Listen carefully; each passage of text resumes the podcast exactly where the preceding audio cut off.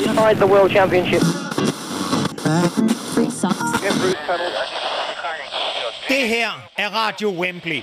Uh, Ollie Olsen. En podcast om verdensmesterskabet i Speedway.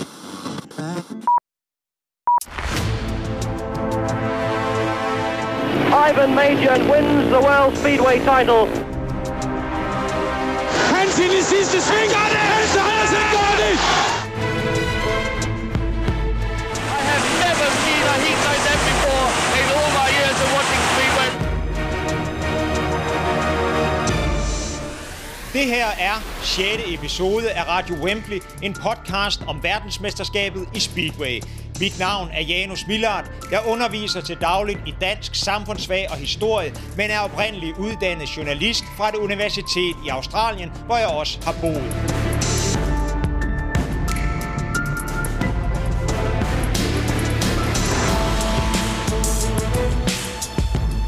I sidste episode hørte vi om, hvordan Roger Frogley i 1929 vandt den engelske afdeling af The Star Riders Championship.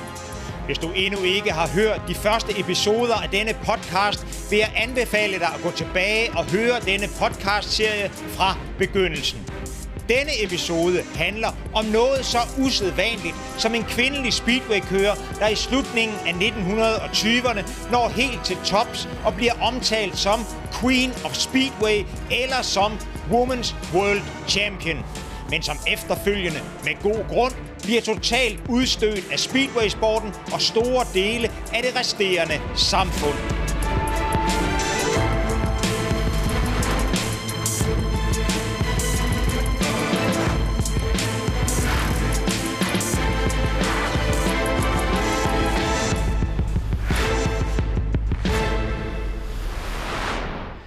Speedway-sporten er, som de fleste andre motorsportsgrene, en mandsdomineret sport.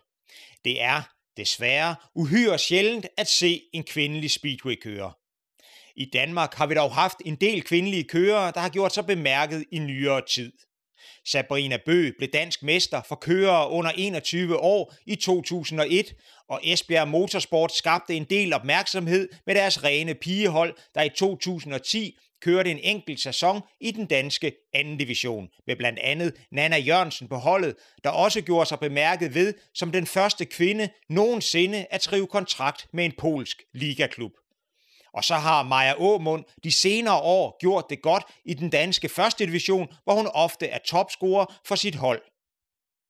På den internationale scene gjorde tyske Selina Liebmann sig i 2022 bemærket ved som den første kvinde nogensinde at deltage i et officielt VM-løb, da hun blev tildelt et wildcard til første runde af det nye SGP2, afløseren for verdensmesterskabet for kørere under 21 år.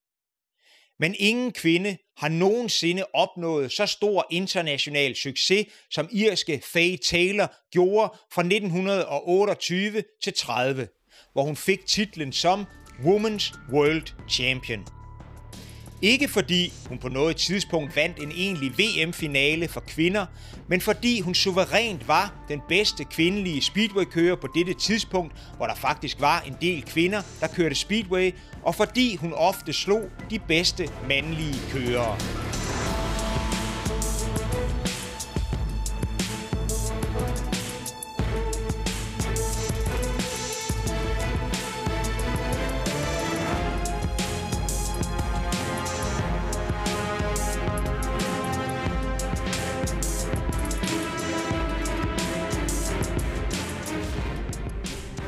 Faye Taylor blev født i 1904 i byen Bøde i Irland. Hendes far var politibetjent, og allerede som 10-årig lærte hun at køre farens politibil. Fays mor dør tidligt, og det får Faye til at droppe sin uddannelse og flytter i stedet hjem til sin far, der på dette tidspunkt er blevet pensioneret. Her bliver hun kæreste med en mekaniker, der lærer hende at køre på motorcykel, og her viser det sig, at det er noget, Faye har et helt usædvanligt talent for. Faktisk er hun så god, at den lokale motorcykelforhandler Charlton Harmon opfordrer hende til at stille op i løbet The Southern Scott Scramble i Reading i England, hvor hun ender med at vinde noviceklassen, altså klassen for nye kørere. Herefter går det stærkt for Faye Taylor. Hun vinder forskellige motorcykelløb i både Irland og England og får job som fabrikskører for Roche Motorcycles, der på dette tidspunkt er et af de førende motorcykelmærker i England. Men i 1928 sker der noget, der ændrer Faye Taylors liv. Her ser hun sit første speedway-løb på Stamford Bridge i London. Hun ser blandt andet amerikanske Sprouts ældre og er fuldstændig bjergtaget, da hun ser, hvordan han broadsider sin cykel rundt i svingene. Faye Taylor er solgt og beslutter sig øjeblikkeligt for, at hun vil være speedway-kører, og kontakter derefter flere af de engelske speedway-klubber for at få lov til at prøve at køre speedway. Men gang på gang bliver hun afvist med den begrundelse, at hun er en kvinde. Men efter utallige afslag sker der endelig noget, da hun møder Lionel Wills. Det var ham, der skrev artikler til engelske motorsportsmagasiner, efter han havde set Speedway i Australien, og som spillede en stor rolle i indførelsen af Speedway til England. Lionel Wills hjælper Faye Taylor i gang med Speedway-karrieren, i første omgang ved at overbevise Fred Mockford i Crystal Palace om, at han skal give Taylor chancen. Det gør han, og hun udvikler sig hurtigt til at blive en kæmpe publikumsmagnet, da hun begynder at slå flere af de mandlige kørere og får tilnavnet Queen of Speedway. I slutningen af 1928 rejser hun til Australien, hvor hun først slår Six Slam på The Claremont Showground i Perth, en bane, hvor han blev betragtet som nærmest uovervindelig, samtidig med, at hun tangerer hans banerekord. Derefter tager hun til Melbourne, hvor hun slår Reg West og sætter en banerekord, der holder i over et år.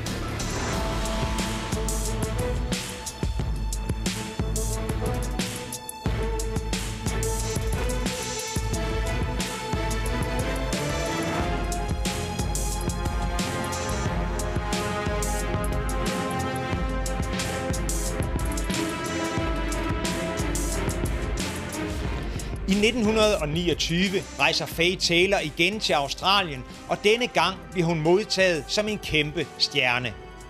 Uanset hvilken bane Taylor kommer til, så er hun et stort trækplaster, og mange tilskuere kommer udelukkende for at se hende, når hun gang på gang slår de bedste mandlige kørere.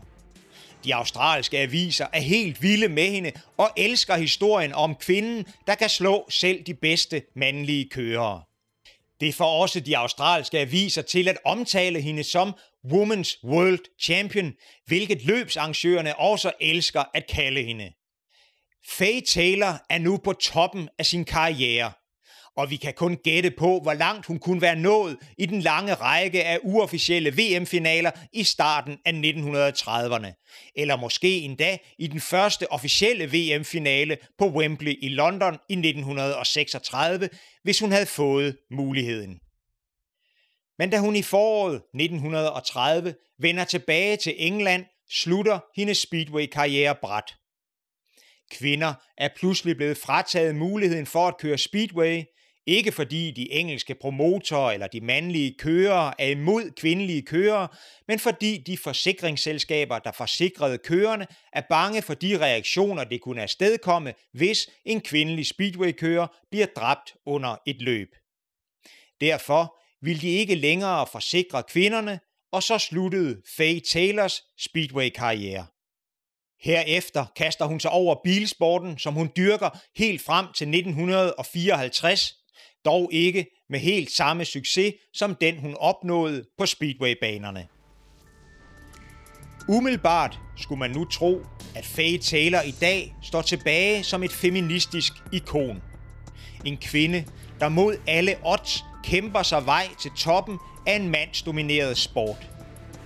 Men det gør Faye Taylor ikke. Langt fra endda.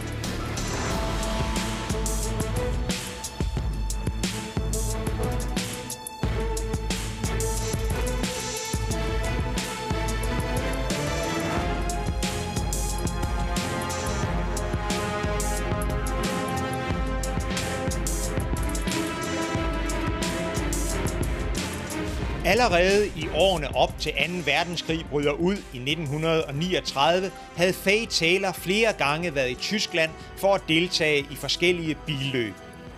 Her havde hun udviklet et nært forhold til det nationalsocialistiske motorsportsforbund.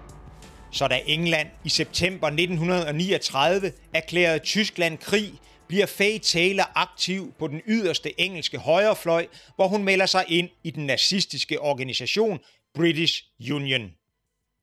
Den 30. maj 1940 bliver hun arresteret for at udgøre en trussel mod staten. Hun bliver sat i et kvindefængsel i London og senere overflyttet til et fængsel på Isle of Man, hvor hun bliver beskrevet som en af de værste nazisympatisører, fængslet har oplevet.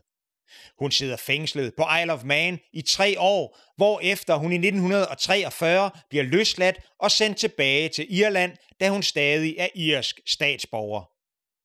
Efter krigen flytter Faye Taylor tilbage til London, hvor hun igen bliver aktiv i forskellige nazistiske grupperinger. Samtidig begynder hun at få gang i sin karriere som racerkører igen, og i 1949 flytter hun til Hollywood, hvor hun begynder at køre midget cars frem til 1954, hvor hun endegyldigt stopper sin aktive karriere. På grund af hendes politiske baggrund forbliver hun under observation af den britiske efterretningstjeneste MI5 helt frem til 1976. Faye Taylor dør i 1983, 79 år gammel.